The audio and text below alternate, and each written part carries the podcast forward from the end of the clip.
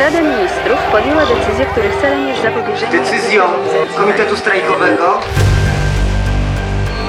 Na początku, był lipiec. Ostatni dzień miesiąca, 31 lipca 1980 roku, był to czwartek, zapewne wielu mieszkańców Lubelszczyzny skłonił do refleksji nad tym, co wydarzyło się w ciągu ostatnich 30 dni. To był niezwykle trudny czas.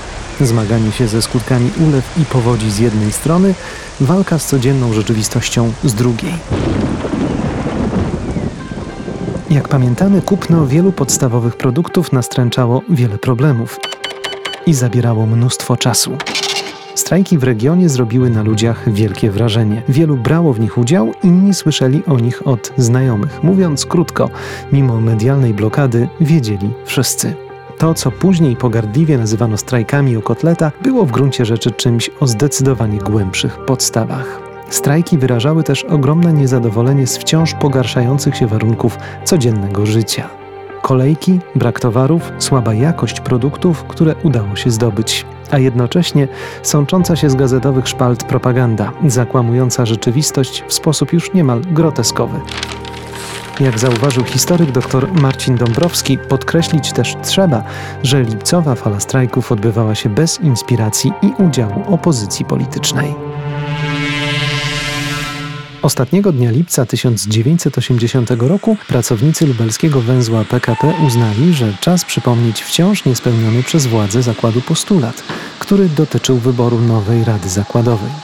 Wystosowano więc nowe pismo w tej sprawie, w którym podkreślono konieczność uwzględnienia kandydatur niezależnych. Co ciekawe, stworzyła się nawet kilkunastoosobowa grupa pracowników, która wnioskowała, by uznać ją za tymczasowe przedstawicielstwo załogi.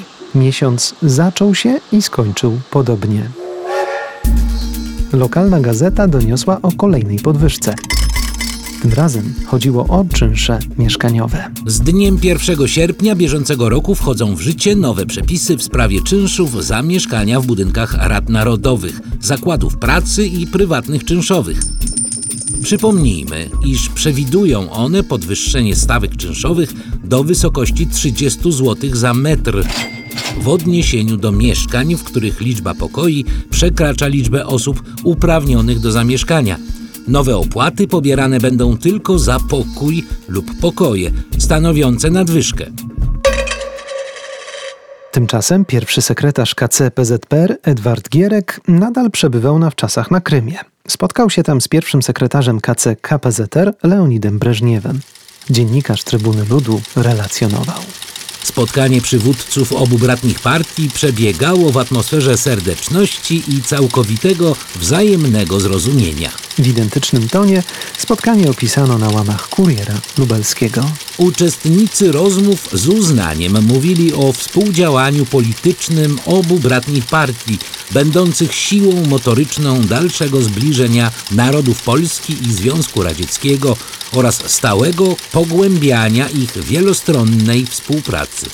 Znakomity historyk Jerzy Eisler nie miał złudzeń, skąd tak duży, większy niż zwykle nacisk w roku 80 na akcentowanie wspomnianej współpracy. Breżniew przecież wiedział o strajkach w Polsce, wiedział o strajku w okręgu lubelskim. Gierek musiał się z tego jakoś wytłumaczyć.